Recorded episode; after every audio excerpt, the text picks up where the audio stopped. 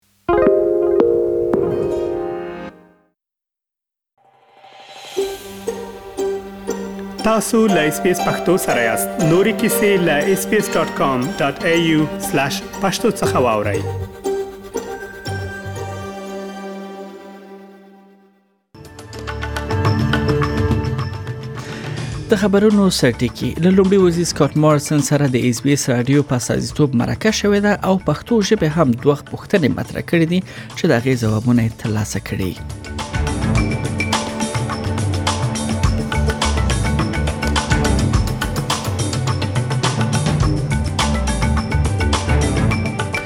بلخوا پاکستان حکومت د پاکستاني طالبانو دوه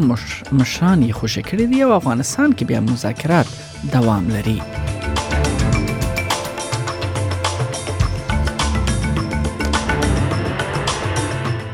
د استرالیا حکومت یا ائتلافي ګوند ټاکنیز کمپاین لګښتونو یا دغه کمپاین ژمنه چې وي د غي لګښتو لپاره خپل بودیجه وړاندې کړه او بیا لیبر ګوند وایي چې راتلونکي پنځشنبه به خپل دغه شو ژمنو لپاره بودیجه وړاندې کړي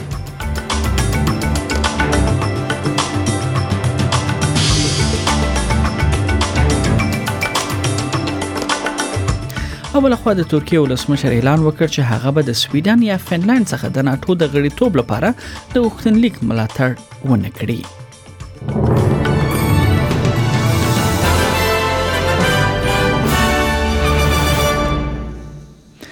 او دا هم بشپړ خبرونه د استرالیا فدرالي ټاکنې د می میاشت پر 21مه نیټه تر سره کیږي او دوه لوی ګوندونه هر یو ائتلافي ګوند چې د محل حکومت په لاس کې لري او بل لیبر ګوند پراخ ټاکنیز کمپاینونه کوي تر څو ټاکنه وګټي لمړي وزیر سکاټ مارسن سره د ایس بي اس رادیو په سازیتوب مرکه وشو او پښتو ژبه دوه مهمه پوښتنه هم مطرح کړې دي لمړی پوښتنه دا و چې استرالیا کې زرګونه پناه غوښتونکي او کډوال چې ډیر شمیر یې استرالیا کې ایانه افغانان دي او لړمحال ویزو سره ژوند کوي د هغو کسانو راتلونکي معلوم نه دی دا کسان له خپل کورنۍ سره نشي یو ځای کېدلی نو تاسو د هغوی راتلونکي روښانه کول لپاره څه کوئ سکاټ مارسن یې په ځواب کې ویل چې د استرالیا پالیسی لکه په خو هم داسې ده چې که هر څوک استرالیا ته غیر قانوني لارو څخه راشي هغه لپاره لړمحاله ویزې دي او دا به زموږ تلپاته پالیسی وي او زموږ په دې برخه کې روښانه دریځ لرو Thank you. It's Svetlana here, and I ask the question on behalf of SBS Pashto. Thousands of refugees and asylum seekers, including Afghans, live on temporary protection visas in Australia, some for more than 10 years, where they are unable to return back to their countries to be reunited with their families due to war or the threat of persecution. What is the coalition's plan for temporary protection visa holders? Well, our plan is, is, is as we've always set it out, for anyone who has come to Australia uh, have uh, illegally entered Australia, then we have temporary protection visas, and that will always be Australia's policy.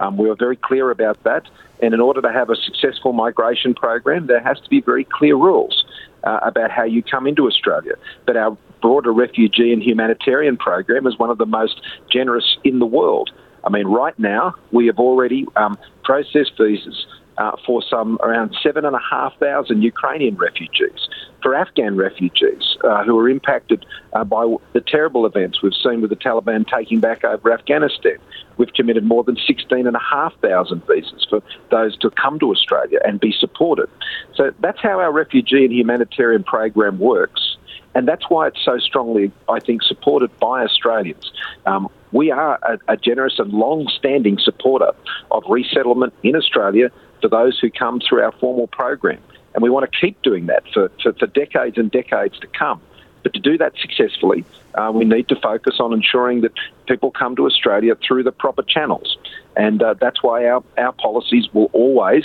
um, be strong when it comes to ensuring that occurs. له ښاغلي سکاټ مورسن څخه دویمه پوښتنه دا وشوه چې د 2020 کال راپور په تعقیب چې د استرالیا پوځیانو لخوا په افغانستان کې د ځینو ادعا شوو جنگي جنایتونو څخه پرده پورته شوه په افغانستان کې د ادعا شوو جنگي جرمونو قربانیانو ته د خسارې ورکولو لپاره د حکومت پلان څه دی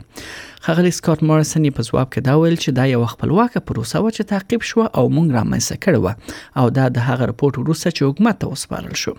دا مسله د همغږي خپلواکه ادارې له خوا پر مخ وړل کیږي او هر څه هغوی سره دی او هغوی به په خپلواکه توګه تعقیب کړي نو دغه جواب سوالونه ول چې له خغلی مورسن څخه شوو بل خبر دا ده چې استرالیا کې د ټاکنیز کمپاین ورسې ونې ده او ائتلافي ګوند ویل دي چې د ټاکنو ټوله ژمنه به پوره کړي او ټوله کې به یو سلو سلور میلیارډ ډالرو پنګونه په بر کې ونیسي حکومت وايي ټاکنو کمپاین دوران کې 15 پالیسۍ چې ژوند لګښتونه پورې تړلې دي وړاندې کړې دي بلخو د استرالیا حکومت خزانه دار جاش فریټنبرګ وایي د لیبر ګوند مشر انټونی البنيزي کمزور دی ځکه هغه تر اوسه هیڅ کومه بودیجه نه دا وړاندې کړې تر څو استرالیا اقتصاد او نورو لګښتونو معلومات پکې ځای شوی اوسي He and the Labor Party have not put forward one policy for independent costing by Treasury and Finance in clear contrast with the coalition. who have put forward 35 policies for costing by Treasury and Finance. بلخوا حکومت دا ژمنه هم کوي چې د 2.3 میلیارډ ډالرو په ارزښت چې ځینې ټاکنیز وعده شوې دي د هغو پیسو کارولو لوجه به د اصليانو ورځنۍ او هم مهمو برخو څخه پیسې کمې نشي بلخوا فدرالي اپوزيسيون یا لیبر ګوند تایید کړې ده چې د پنځشنبه په ورځ به د خپل ټاکنیزو ژمنو لپاره لګښتونو یا بودیجه اعلان کړي د لیبر ګوند پلان لري تر څو د تلافي ګوند ژوند لګښتونو بودیجه په ځواب کې خپل بودیجه وړاندې کړي د لیبر ګوند د طبي تولید لپاره بودیجه وړاندې کوي او دا به 15 میلیارډ ډالر بیا رغونې کڅوړې برخوي تر څو د واکسینونو په ګډون د طبي اکمالاتو ملاتړ پکې موجود وي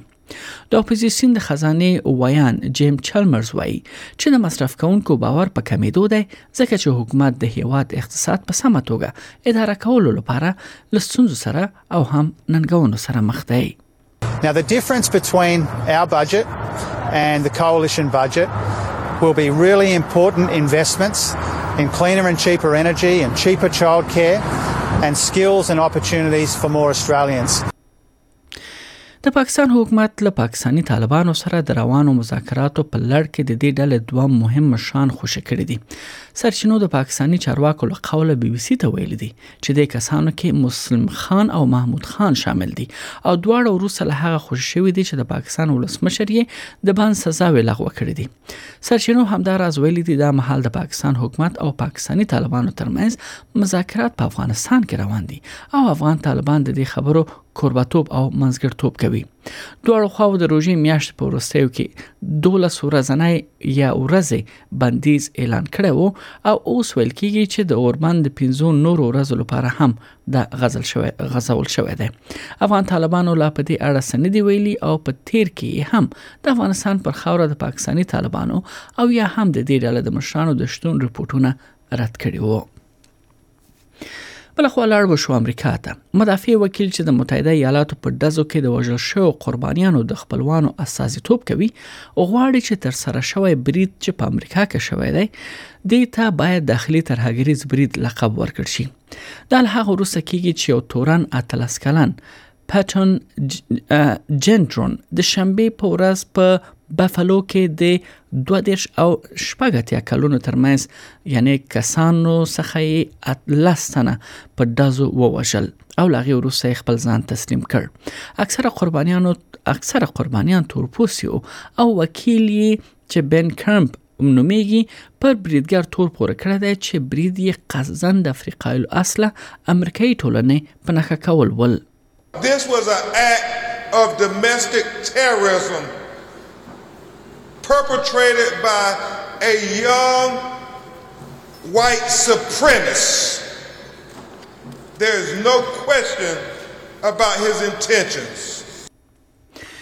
د ترکیې ولسمشر اعلان وکړ چې هغه به د سویډن یا فنلند څخه د ناتو د غړیتوب لپاره د غوښتنلیک ملاتړ ونه کړي او د اساسو هر ډول قضیه لپاره هڅې بند کړې دي سویډن تمه کوي چې په راتلونکو څو ورځو کې به په رسمي ډول غوښتنه وکړي چې د ناتو غړی شي مګر د فنلند په څیر دا د ناتو د 13 غړو هیوادونو تصویب ته اړتیا لري په دې معنی چې د ترکیې اعتراضونه د دې پلان په اړه شکونه راپارولې دي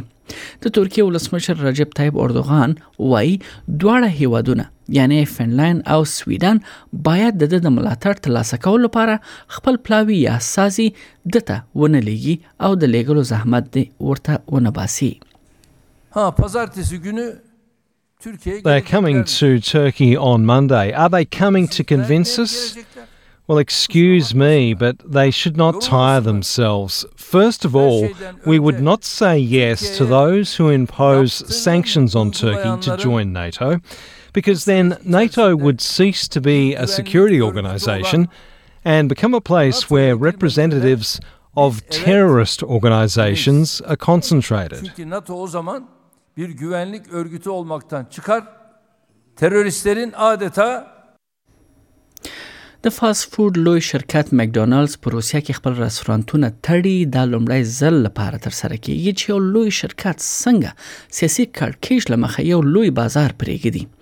د همبرګر کمپنۍ یا د او د همبرګر کمپنۍ خپل 850 رستورانتونه پلوري او دا به په روسیه کې د 2.5 زره کارګرانو د ګمارلو لپاره پیرودونکي هم پیدا کړي یا د کمپنۍ وایي چې د معاملې نهایی کېدو پورې یادو کارګرانو ته د تنخوا ورکړې ژمنه هم کوي مکډونالډز د مارش میاش په اوکراین کې یعنی لاغې میاشتې راوسی راهیسې د شخړې لامل خپل عملیات وزندول او وی ویل چې بشري بحران د دې ارزښتونو سره متناسب نه دی د غرازي په اوکراین کې تر سل ډیر رستورانتونه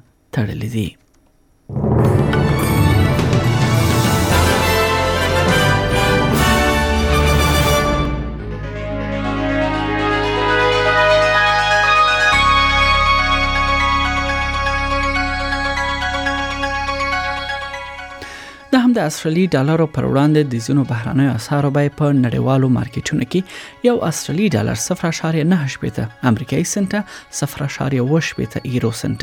یو استرالی ډالر 0.15 افغاني روپی یو سل 15.8 پاکستاني روپی 0.50.9 هندۍ روپی یو استرالی ډالر 2.55 اماراتي درهم او 0.55 انګلیسي پنسه ارزښت لري د هم د استرالیا د ځینو ښارونو نن لپاره د تودوخه تر ټولو لوړه درجه هغه هم د سانتیګریډ په کچه سیدنی کې هوا لمریزه ده تر ټولو لوړه درجه یوي سانتیګریډ اټکل شوې ده په ملبورن کې آسمان برګ د 14 په برزبن کې هوا باراني د 28 په پرت کې هوا لمریزه د 30 په اډلېټ کې هوا باراني د 18 په هوبرټ کې هوا باراني 14